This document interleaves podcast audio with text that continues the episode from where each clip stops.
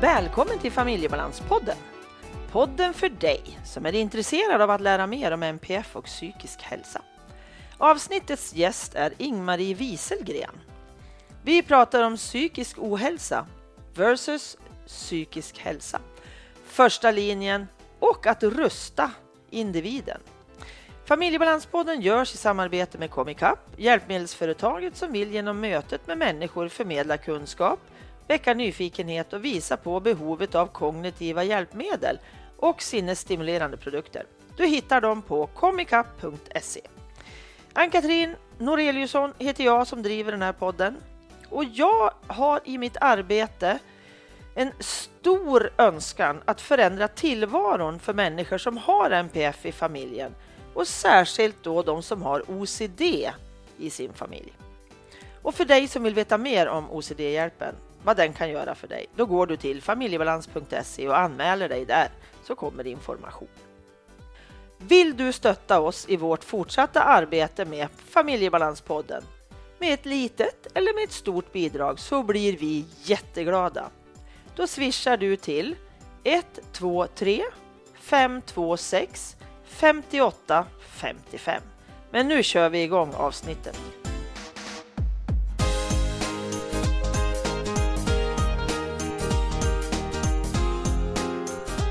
Hej Ingmarie! Hej! Och välkommen till Familjebalanspodden! Tack så jättemycket, så roligt att få vara med er idag. Mm. Och jag tänker att vi kommer att prata lite runt eh, Sveriges kommuner och regioner och lite vad det innebär och så vidare. Men det kommer om en stund. Men nu vill jag först att du berättar lite kort, vem är du Ingmarie? Ja, jag är psykiater. Jag började i psykiatrin 84 så jag tillhör de här som har varit med riktigt länge. Mm. Jag började jobba på Ulleråker som var eh, Uppsalas men, gamla mentalsjukhus. Eh, började på en avdelning med nyinsjuknade i schizofreni. Och där eh, fastnade jag sen. Jag skulle mm. egentligen bara vicka en sommar men jag blev så fascinerad utav eh, det jobbet eh, när man både fick träffa familjer, Eh, hade möjlighet att, att, att liksom komma nära människor i, sina innersta tankar. Jag hade aldrig träffat någon som hade en psykos tidigare, som hade vanföreställningar. Och jag tycker det var otroligt spännande. Och, och det där eh, fascinerade också därför att jag är både intresserad rent liksom, biologiskt, vad händer i hjärnan? Eh, och, och sen är jag också väldigt intresserad av relationer. Vad händer i samspelet med andra människor? Eh, och också det här, hur kan man, hur kan man hitta bra sätt att leva utifrån den man själv är, mm. men också i det som krävs i den tid som man lever i. Mm. Så allt det här fick jag möjlighet att liksom kombinera plus att då få komma nära hem till människor och se hur man lever hela sitt liv. Mm. Fascinerande! Så där började jag, ja. i Uppsala i psykiatrin. Och sen, eh, jag var liten underläkare först och så blev jag överläkare och så var jag verksamhetschef under eh, nästan sju år. Och i den vevan så kom eh, Anders Milton och frågade om jag ville bli eh, med honom i nationell psykiatrisamordning. Du vet, det var eh, 2003 efter mm. mordet på Anna Lind så tillsattes ju nationell mm. psykiatrisamordning.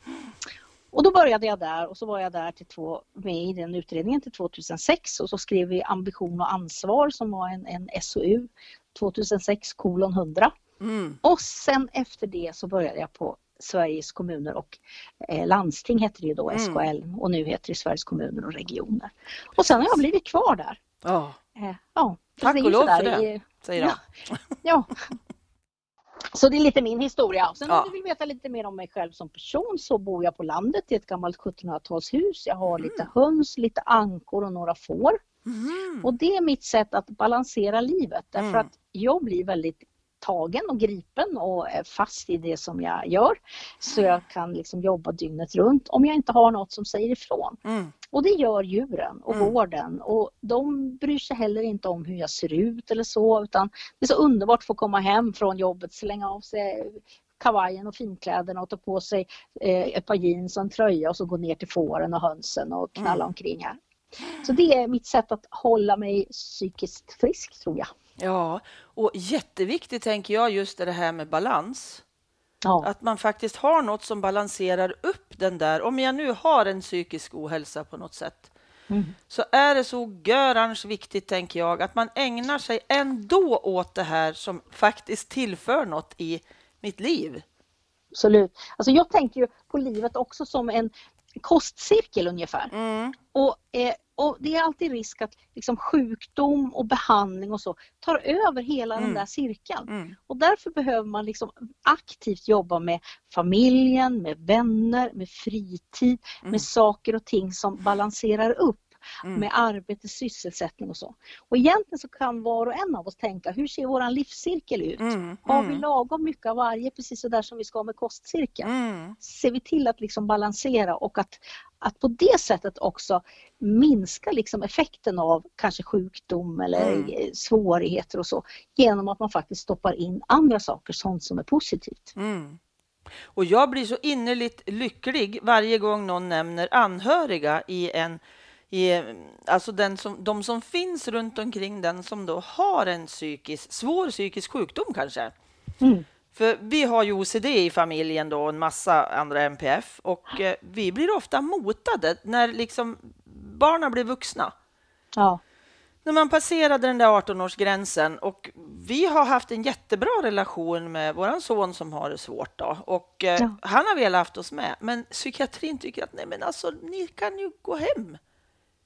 Var inte med! Och jag blir vansinnig för jag vet ju hur viktigt det är. Inte Absolut. bara för våran unge utan jag vet, jag träffar jättemånga familjer som har OCD i familjen. Alltså, och jag tror att det är, är viktigt i all vård. Och Jag Ja. tänker just nu när man kommer med det här, man pratar, fast man kallar det nu då, personcentrerad vård och nära vård och massa fina nya begrepp. Mm. Men egentligen, och samskapande pratar man om, men egentligen så handlar det om att låta personen själv och Ja. hans eller hennes hela situation vara med. Och för de flesta människor så är familjen väldigt viktig. Det är Ja. de man alltid har kvar. Ja. Och sen kommer vänner, men de är inte riktigt på samma sätt. Familjen har man liksom alltid, vare sig man är sams med dem eller osams, så finns de där. Mm. Eh, Mm. Och därför är det så viktigt liksom att vården, tror jag, tar med dem. Därför att det är Mm. en otrolig resurs. Och jag har ofta tänkt så att när jag träffar någon som är är väldigt sjuk eller mår väldigt dåligt eller i väldigt kris så ser jag ju, ju bara just den ögonblicksbilden. Mm. Och då vet inte jag hur den personen är i vanliga fall. Och därför behöver jag absolut anhöriga, närstående, familjen som kan berätta. Mm. Hur är den här personen i vanliga fall, när den är riktigt glad, när den är arg, när den är ledsen. Alltså att jag får hjälp därför att vi är så olika. Mm. Helt normalt så är vi väldigt olika som människor. Mm. Och därför så kan man inte avgöra hur allvarligt ett tillstånd är med Nej. mindre än att man vet hur den här personen är i vanliga fall. Nej, men precis. Precis. Jätteviktigt.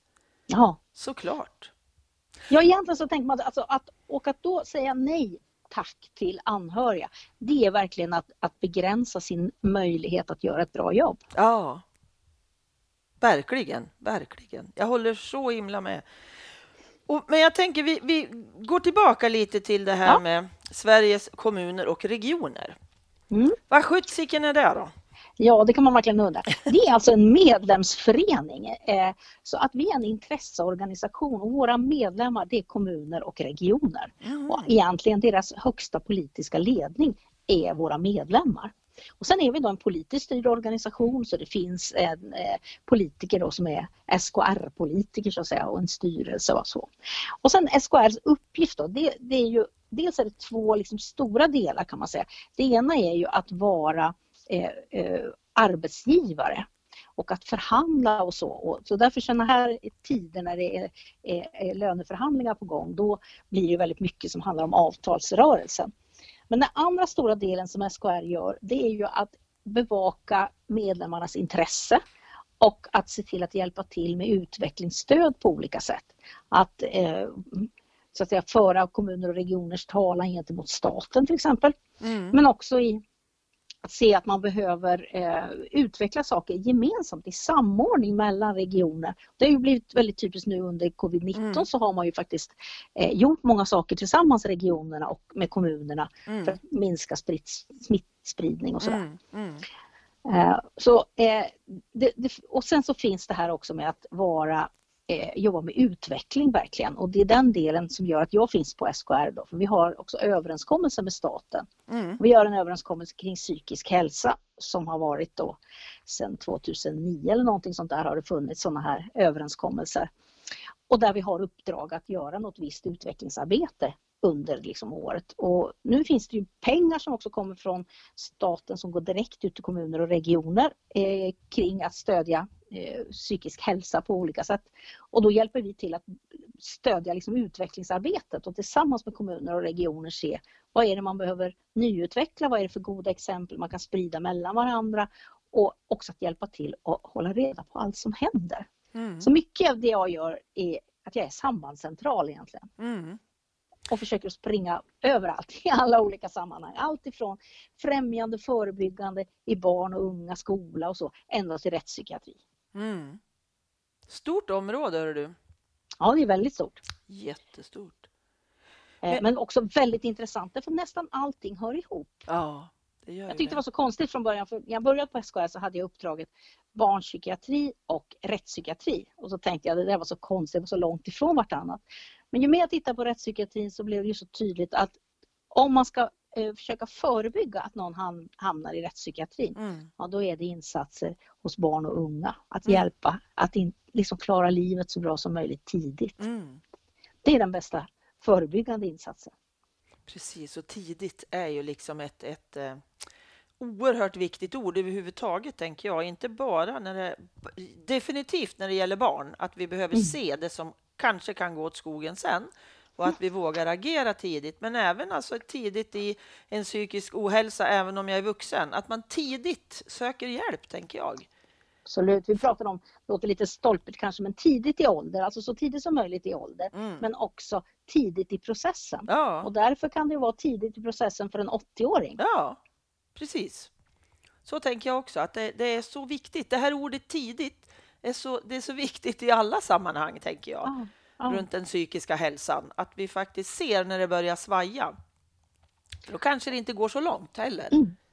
Och det är också eh, viktigt i liksom dagliga livet om man tänker så. Därför att när man börjar göra på ett visst sätt så trampar man liksom upp en stig i hjärnan. Mm. Och, och därför så ibland när man hamnar i, ond, i en ond cirkel och börjar göra eh, okloka saker mm. så är det bra att bryta det så tidigt som möjligt för en själv också. Mm.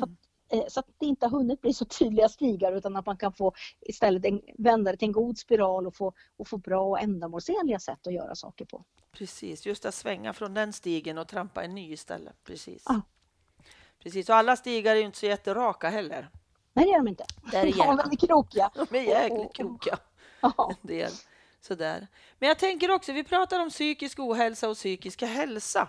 Hur, ja. liksom, hur hur beskriver du de olika delarna? Man förstår ju lätt att ja, men psykisk hälsa, då mår jag ju bra. Men, mm. men psykisk ohälsa har ju blivit ett enormt begrepp. Ja. Alltså där innefattar allt till att min kille har gjort slut till att jag har en, en psykos som inte går över. Och det blir ja. liksom, alltså det måste ju finnas en, en förklaring. Vad är egentligen psykisk ohälsa? Vad, vad innefattar det egentligen? Precis, och det, just därför blir det också så svårt. Ibland så säger någon säger det här har ökat och någon annan säger det har inte alls det. Och det beror ju på precis i vilken del av det här med psykisk ohälsa man menar. Mm. Så var det för några år sedan var det någon som sa att vi ska avskaffa det där uttrycket. Och så vet jag att man försöker att säga vi ska inte säga använda Men det är så väldigt praktiskt med ett paraplybegrepp ändå. Mm.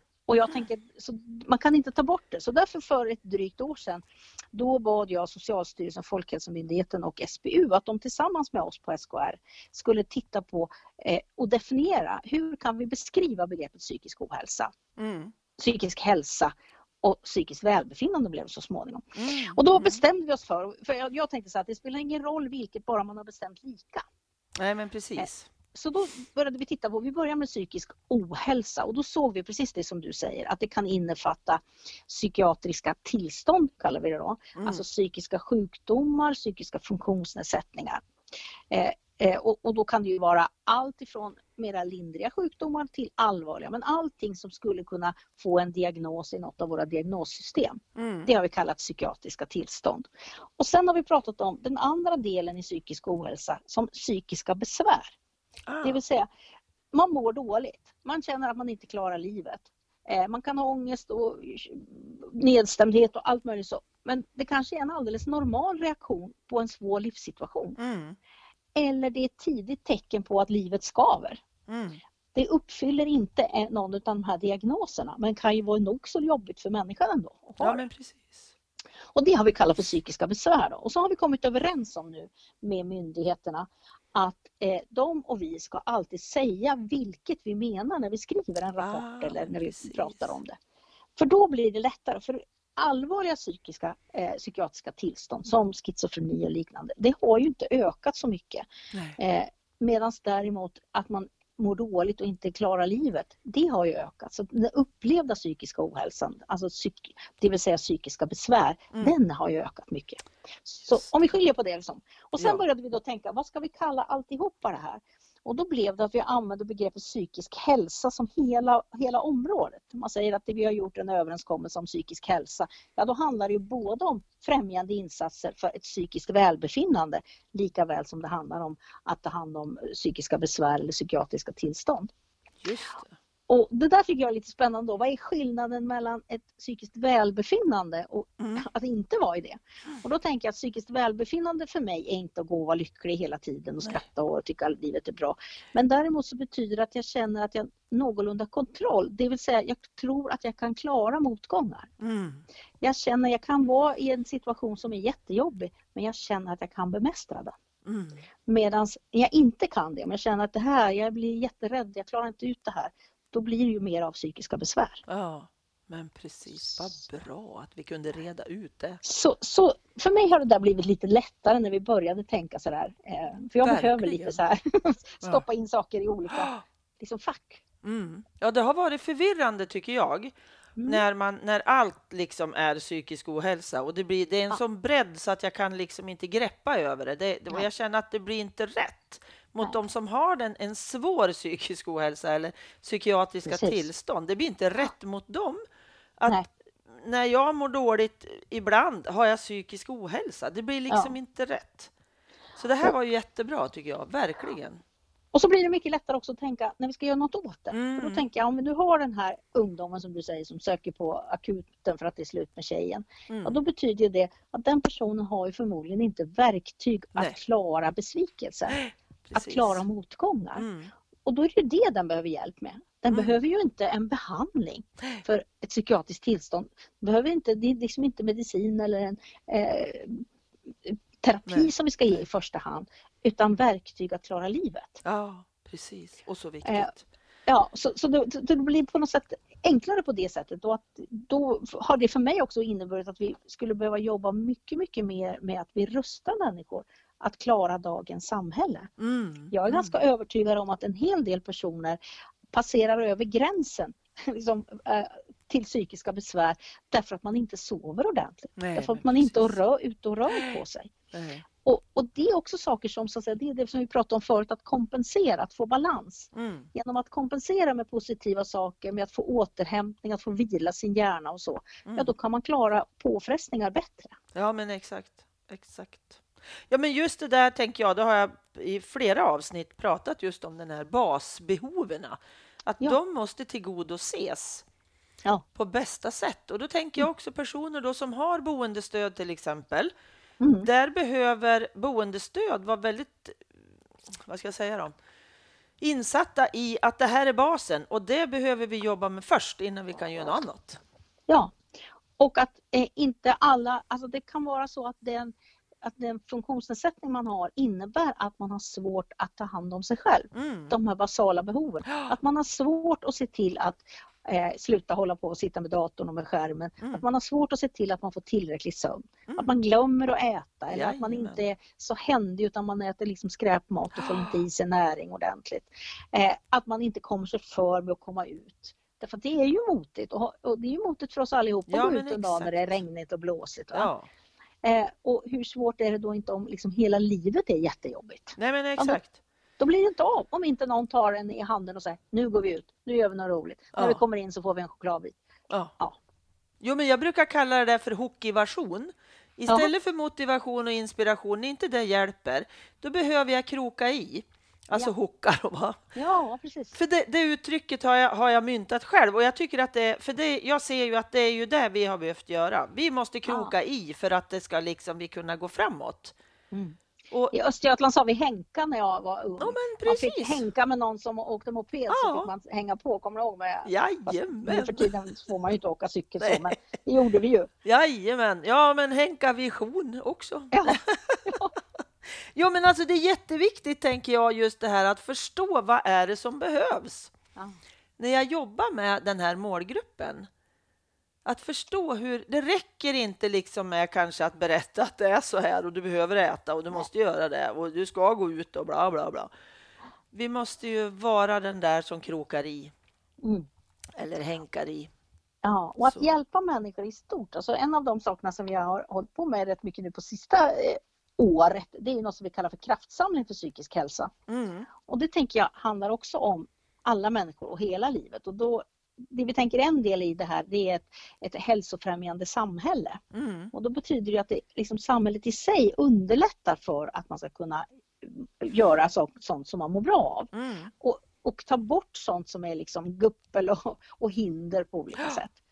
Den andra delen som vi tittar på det är som vi kallar rusta individerna att uppnå sin fulla potential och då spelar det ingen roll så att säga vilken potential man har utan att alla skulle få hjälp att funka så bra som möjligt. Mm. Och då gäller ju det även om du har svårigheter. Det vill säga att du ska faktiskt ändå få hjälp att uppnå din fulla potential. Och då kanske det måste ske genom att du får hänga på någon. Du får hänga på någon. Mm. Får, det är någon som krokar arm med dig som ser till att du verkligen kan, kan bli eh, eh, så bra som du kan på olika saker och att du lär dig kompensera för det som inte är så bra. Mm. Eller att du faktiskt får hjälp att kompensera då från liksom, samhället. Mm. Och då behöver vi riktigt, som är vår tredje del i den här kraftsamlingen, hållbara system. Eh, och då kan det ju vara ibland så att det är, ett, vi pratar om ett eh, skyddsnät med täta maskor. Något mm. som man bara studsar på lite grann för man behöver lite hjälp då och då. Eller något som omsluter en så man får ett tryggt nät. En del har ju så stora svårigheter redan från födseln att vi kan veta att den här personen kommer att behöva hjälp hela livet. Mm. Och då borde vi ha ett system som är ordnat så. Man ska mm. inte varje, varje tid i sitt liv behöva kvalificera sig för hjälp. Precis. Precis, och det tar ju kål på först alla anhöriga till att börja med. Ja. Det här ja. eviga hjälpsökandet när jag vet ja. att det här kommer inte bli något annat. Liksom. Och, och, jag tänker liksom, jag tror att eh, alltså den paniken som man känner som förälder när man ser att det här kommer inte att gå bra för mitt barn. Nej. Och så säger man det och så säger folk att det växer bort. Ja. Och så möter man vården och säger du är inte tillräckligt, mår inte tillräckligt dåligt för att få hjälp här. Och, eller det är inte vårt uppdrag. Och så här. Alltså det är en sån vanmakt mm. som förälder. Mm. Håller med, verkligen. Vi har varit där periodvis. Ja. Att, ja. ja. men det här är, det låter så, det låter jätte, det är så härligt att lyssna till dig tycker jag, för du har verkligen engagemanget. Sen är det ju så, det är lätt att veta hur man vill ja. att det skulle bli och så är det så motigt att få det att hända. Mm. och jag, ibland så tänker jag så här, men uträttar jag någonting? Jag har hållit på med det här nu i massor av år. Eh, och jag, tittade, jag hittade några bilder som var eh, 15 år gamla och det stod samma sak på dem fast lite mer ålderdomligt uttryckt som det gör idag. Så mm. tänker man ju också. Samtidigt så är det ju så att vi har förflyttat oss ja. en hel del framåt. Ja. Eh, så det är inte på samma nivå som förut, men det är fortfarande en lång bit kvar. Absolut, men jag tänker ändå så här. Eh, jag var med i järnkollsuppdraget för, för mm. ja, då, inte kanske alldeles i starten, men ganska tidigt.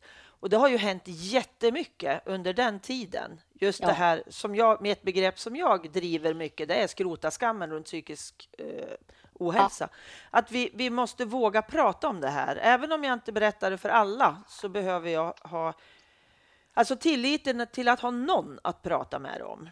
Ja tänker jag. Och där har det ju hänt jättemycket på de senaste 30 åren, säger vi. Ja, Och det är väl också en av anledningarna till varför är det sån kö ibland Ja, till vård. ja. Varför är det så Mm. svårt med det här som vi kallar tillgänglighet? Yes. Jo, det är ju så många fler som söker hjälp Ja. därför att det är inte lika skämmigt Nej. längre. Och det är också så att må- många, man har hört rykten att man faktiskt kan få bra hjälp. Ja. Eh, Och då klart man kommer och vill ha hjälp och då Ja. hjälper det inte att eh, psykiatrin har byggt ut och tar emot många fler och har mycket fler besök och så. Därför vi håller inte jämna steg med den ökade efterfrågan. Nej. Det, och det, det, det pratas ju ofta om det där och herregud vad det måste ha ökat den psykiska ohälsan och ja, psykisk sjukdom och allt vad det Mm. pratas om så där i media. Men jag håller ju fullständigt med dig. Det är att vi vågar. Ja, Vi vågar liksom ringa och säga herregud, jag behöver hjälp. ja, precis. Vi vågar söka hjälp och sen också att dagens samhälle större, ställer mycket större krav Ja, på att man med. ska vara psykiskt välfungerande. Ja, Det är inte så viktigt att vara stark i kroppen längre som Nej. det var i jordbrukssamhället. Nej. Då kunde du liksom, om, om, om eh, gubben i familjen fick ont i ryggen där och inte kunde vara ute på dagsverken i skogen, ja då åkte ju hela familjens eh, ekonomi. Om inte ja, torparfrun orkar gå på extra dagsverk och, och, och mjölka mitt i natten. nej, Så då var det så otroligt viktigt att vara stark i kroppen. ja, Men idag så är det ju det är liksom att kunna hänga med i vårt hä- häftiga informationssamhälle. mm. Att vara snabb på, det kräver väldigt mycket mer koncentration, att kunna filtrera, mm. att kunna hålla igen sina impulser och så.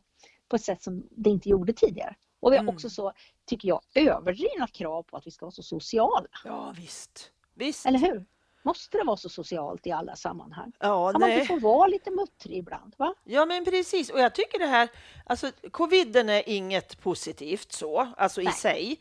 Nej. Men det här att folk faktiskt inte behöver krama varandra precis hela tiden överallt. Mm. Det tycker jag är ganska skönt, måste jag säga. Ja, Jag tycker inte att jag tycker inte illa om att kramas, men inte när det sker automatiskt och av en slentrian. Tycker inte jag är så roligt. Jag vill ju ge en kram till den jag känner att jag vill ge och den som vill ha en. precis. Och att det är en ömsesidighet. Och Ja. Det tycker jag också, alltså det här, man måste känna av, vad vill den andra? Ja, precis. Hur, hur nära vill den att jag ska komma? Ja, exakt. Och det är massor av människor som inte tycker om det här att kasta sig, bli överrumplad av någon som vill kramas. Nej, inte, inte kramas, men inte heller alla som vill berätta allt om Nej. sitt liv. Nej, Eh, alltså man måste ju inte för att man är arbetskamrat eh, veta allt om varandras privatliv. nej, men exakt. Så Exakt. det här att kunna få, få hålla sin både liksom fysiska distans och sociala distans, att få utgå från det som känns bekvämt för en själv Mm, mm. och slippa de där kraven på att man ska vara något annat än det man är. Ja, men exakt. Exakt. Jätteviktigt, tänker jag. Och det har ju varit varenda jobbsökningsannons tidigare. Jag tror inte det är fullt lika nu, men det har ju varit alltså extremt att du skulle ha en social kompetens. Du skulle vilja fika och allt vad det var, äta lunch med allihop och ha after work och rubb och stubb. Jag skulle umgås jättemycket. Men alltså det är väl jätteskönt att det inte alltid ska vara så, Ja. tycker jag. Ja, Alltså, det är inte säkert att jag vill hänga med mina arbetskompisar var och varannan dag. Kanske inte ens fika varenda dag. nej.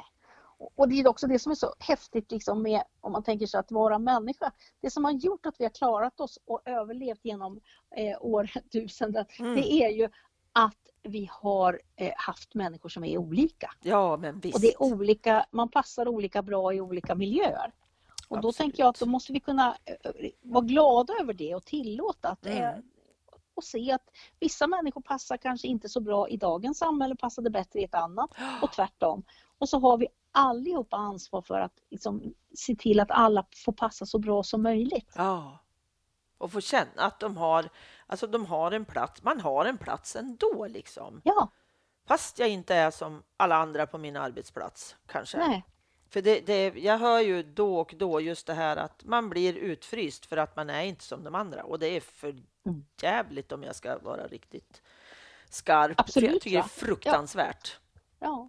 Och att man får eh, alltså, eh, verkligen vi säger att det är så fritt dagens samhälle. Mm. Men det skulle jag inte säga att det är. Jag Nej. tänker när, min, när jag var liten då, min mamma var väldigt så här, oh, nu måste påskgardinerna upp och julgardinerna och titta grannen och då var det sådana saker som var väldigt viktigt. Men idag är det lika hård press men på andra saker. Ja. Mycket mera på det här hur man ska vara i umgänget med andra. Ja men visst. Vi, vi struntar lite mer i gardinerna men, men det är minst lika hård social kontroll och press i hur man ska vara. Ja. Och väldigt hårt för ungdomar idag, Ja. vad som är rätt och fel. ja, och nu syns man ju liksom hela tiden överallt om man vill det. Ja. Och kan jämföra sig liksom stenhårt överallt. Och det är ju inte bara gott, tänker jag. Nej, nej. Sådär. Men jag tänker, nu tänker jag vandra vidare till en annan Mm. Ja. fråga och det är det här med en väg in och vad betyder det? Och första linjen finns det överallt. Vad är det för något? Vad Mm. är första linjen? I enkelt sett så, så är det samma sak som primärvård egentligen, eller Mhm. vårdcentral. Eh, vi har ju våra, eh, våra hälso och sjukvårdslagen säger att det ska finnas specialistsjukvård. Alltså land, regionerna är ju skyldiga att erbjuda vård. Och då ska man er, kunna erbjuda specialistvård.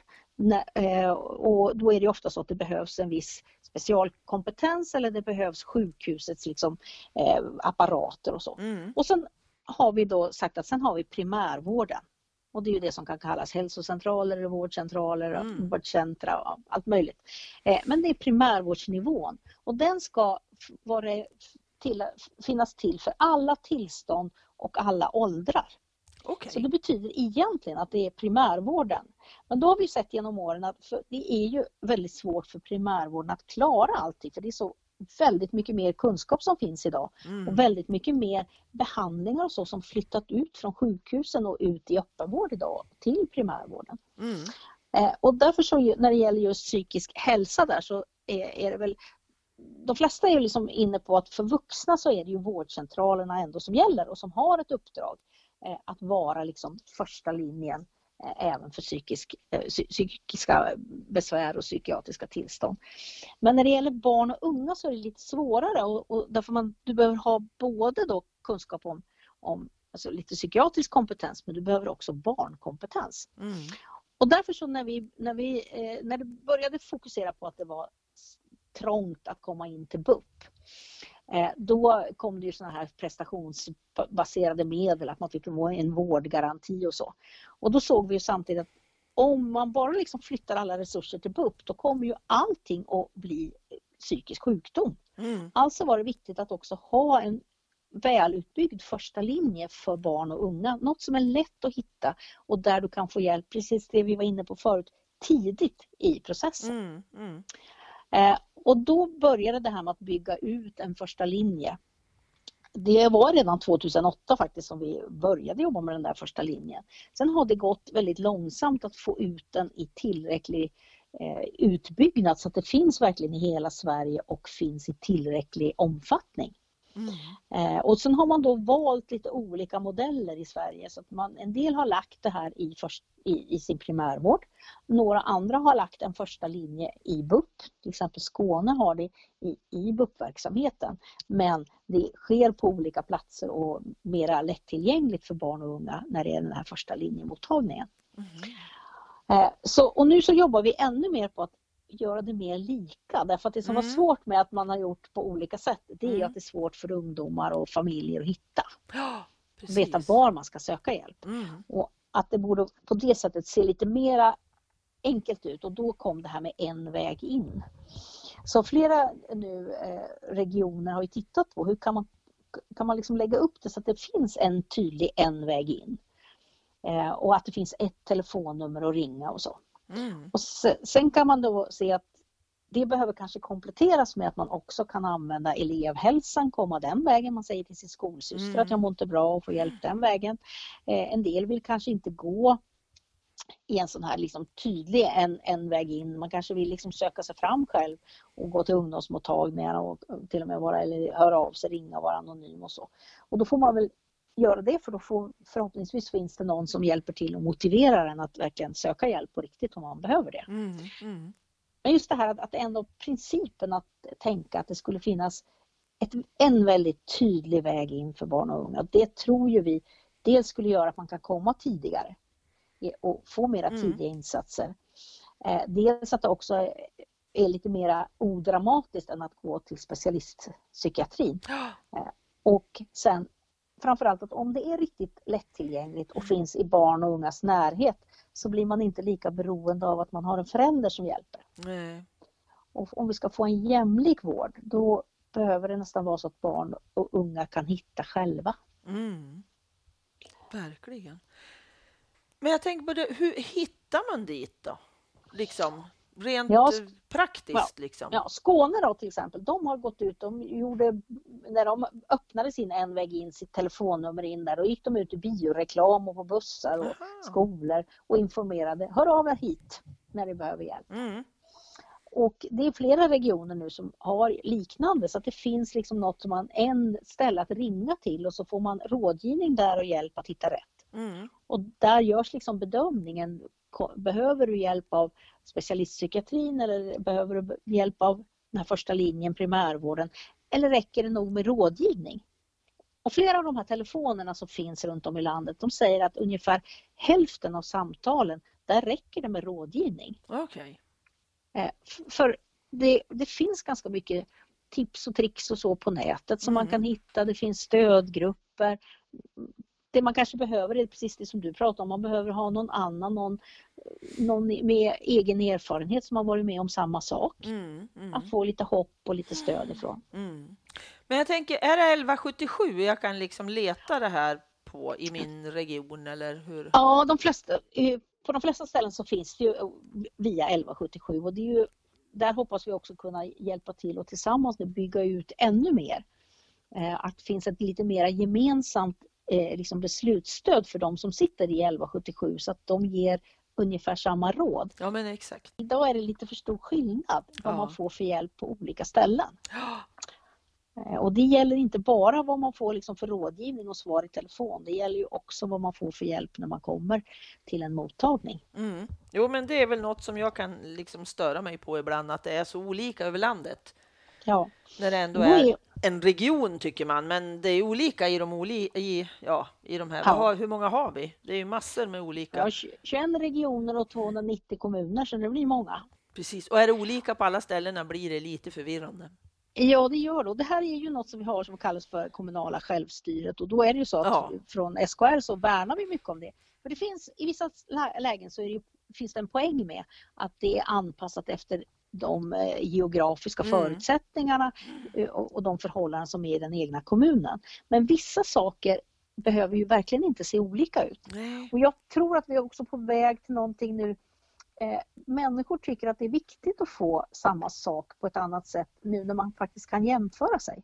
Och när man Exakt. också kan få saker på nätet. Mm. För Mm. om du tar kontakt och, och får, om du får en, en, en digital vårdbesök då spelar det ju ingen som helst roll var du sitter eller, och var Nej. psykologen sitter. Till exempel. Precis. Jag kan ju sitta var som helst i Sverige. Mm. Och så tänker jag att i många lägen så tror jag också att det är så att om, om det handlar om lindriga saker, då kanske jag tycker att det är jätteviktigt att kunna få gå nära. Då är det viktigaste. Mm. Men om jag har ett svårt tillstånd eh, och, och där, där liksom, man känner att det här, jag behöver verkligen ordentlig vård. Då blir det viktigast att få träffa de bästa experterna i Sverige istället. Ja, exakt så. Precis. Och, och det här behöver vi liksom kunna fixa på samma gång. Att det både finns det här lättillgängliga och där jag kan få bra råd och någon som känner till, ja, i i din kommun så är det så här och så er har ni de här Mm. skolorna eller ja, vad det kan vara för något. Mm. Och i ett annat sammanhang så vill jag, jag vill ha den bästa experten på OCD. Ja, men ha exakt. en- ja, och då vill jag få komma till den. Mm. Mm. Eller få behandling som är, överensstämmer med vad den säger att man ska ge. Ja. Jätteviktigt. Och just OCD tänker jag är ju väldigt o, osett eller o, oupptäckt är det ju inte. Men, eh, men det är väldigt många som inte hittar till bra vård tänker Ja. jag, i fråga om det. Och, och det, är ju, det är ju lurigt därför att på något sätt i OCD i sig självt så eftersom man ofta vet att det man gör inte är, Mm. är bra Mm. så skäms man ju för det. Jajamän. Så att det är ett väldigt motstånd innan man söker hjälp. Ja. Så det är verkligen ett tillstånd där det behöver vara riktigt lätt. Och där man verkligen får Ja. liksom känna att jag kan komma och säga ah, det är lite skraltigt i livet och någon som så att säga, bejakar det och hjälper till och ser att oh, det är nog de här grejerna du kanske här, du har nog lite tvång och så. Och det blir odramatiskt Absolut. att kunna få hjälp tidigt. Ja, ja, och här är det också oerhört viktigt att anhöriga är med. Ja, För om man inte, inte anhöriga lär sig vad OCD är, hur jag, ska, hur jag ska bete mig för att inte hjälpa och ge Mm. björntjänsterna, så är det ju så oerhört viktigt att alla är med i det här. Om nu den då som är 18 år vill det. ja, Men man kan ju ändå lyfta frågan, tänker jag, och liksom säga att vore inte det bra? Om din Absolut. anhöriga var med, även Ja. om man säger nej, men jag ska inte ha någon. För Nej. så kan det ju vara också. ja. Och för, och för många har det ju faktiskt startat i yngre år också, Ja. så kan man fånga upp det där medan man är barn så är det ju också mycket mer självklart att familjen är med där ett tag och då är det också lättare att ta hjälp av sin familj om det kommer tillbaka i vuxen ålder, tänker jag. Precis. Absolut. Och samma sak gäller ju, det gäller ju um, autism, det gäller Mm. ADHD, det gäller alla de här sakerna. Mm. Eh, vi vet ju att ju tidigare man upptäcker dem, desto lättare är det att se till att inte personen behöver misslyckas så mycket. Precis. Och det är inte nyttigt för någon människa att misslyckas. Nej. Liksom, lite eh, misslyckas för att lära sig saker, det är bra för oss. Men att misslyckas gång på gång och känna att, att man inte klarar, då tappar man självförtroendet. Ja, det gör man rätt så fort faktiskt. När Ja. ingen liksom kan rodda mig till att göra mer Precis. rätt saker. Och det krävs ju. Ja, för det är en sak att få misslyckas och så få pröva igen Ja. och så få uppleva att man lyckas. Ja. Men om man aldrig får lyckas utan bara får misslyckas, Mm. det är liksom så destruktivt. Det är förödande, helt Ja. klart. Helt klart. Men Mm. nu tänker jag faktiskt att vi ska avrunda. Jag hade kunnat sitta hela dagen kan jag säga, för det här är så otroligt intressant. Ja. jag. Men vi behöver avrunda. Du behöver få gå och göra något annat och likaså jag. Men är det någonting du tänker att det här måste vi trycka på lite till? Finns det något du tycker vi har glömt? Jag tycker att det är viktigt att vi hjälps åt allihopa att hävda att eh, även om vi nu pratar mycket mer om psykisk hälsa, men det är fortfarande så att vi inte har samma ambitionsnivå för eh, tillstånd som är inom psykiatriska fältet som vad vi har för kroppssjukdomar. Nej. Och det tycker jag att vi behöver hjälpas åt allihop och säga att det är lika viktigt att få hjälp för en psykisk sjukdom, funktionsnedsättning som vad det är med det fy- fysiska. Ja, Sen är det också väldigt mycket så att det hör ihop. Och vi vet att om du får hjälp med eh, ditt psykiska mående så eh, hjälper det till om du har en kroppslig sjukdom också. mm, Och tvärtom förstås. mm. Men just det här att det fortfarande inte är eh, samma höga ambitionsnivå. Och det tycker jag vi, det vill jag att vi ska hjälpas åt med. Och då är det den som mår bra som måste vara med och strida för det. ja, För i det läge när man inte mår så bra, då har man inte orken. nej, nej, det är vi andra som får jobba Ja. på det. Så är Ja. det. Tusen tack Ingmarie. Tack själv, jätteroligt att få vara med. Ja, det var så intressant att få prata med dig. Så jag tackar så hjärtligt. Ha det så bra och var rädd om dig. Detsamma. Tack ska du ha. Tack. Hej då.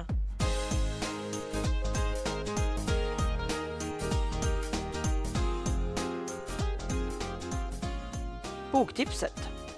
Den här gången vill jag tipsa om två barnböcker som Anna Pella har skrivit och Anna Forsmark har illustrerat. Och böckerna tar avstamp i Anna Pellas egen familj som är en funkisfamilj. Första boken jag vill berätta om heter Operation Dödsviktigt. På baksidan står det så här att det, det är tredje delen i serien om funkisfamiljen. Eh, de pratar om någon som ja, gått bort. Det är sportlov och dags att åka till fjällen. Men något supersorgligt händer. Vuxna använder konstiga ord och vågar inte säga att någon faktiskt är död. Tankarna trasslar ihop sig som garnnystan i Vides huvud. Varför vågar inte vuxna säga som det är? Tillsammans med sin kompis Eli planerar Vide att ändra på det här. Dags för Operation Dödsviktigt, som boken heter. Jättebra bok för att prata om döden med barn, tycker jag.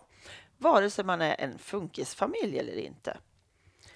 Fjärde boken i serien om Funkisfamiljen heter Operation vän i nöd. Och det är samma författare Anna Pella och samma illustratör Anna Forsmark. Så här står det på baksidan. Fjärde delen i serien om Funkisfamiljen. Lite ont har väl ingen dött av. Vide får en blåtira, men ingen verkar bry sig. När Vide upptäcker att en av Mios klasskompisar, som inte kan prata, också har en blåtira, då blir Vide nyfiken. Det snurrar och snurrar i huvudet. Tänk om någon varit dum och gjort något förbjudet.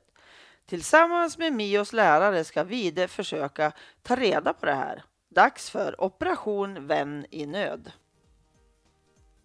Tack för att du lyssnat. Tack till Pelle för musiken, Pernilla som fotade, Marcus som fixade poddloggan och till Anders för att du redigerar mitt prat. Och tack till Comicap för samarbetet. Hoppas vi hörs igen.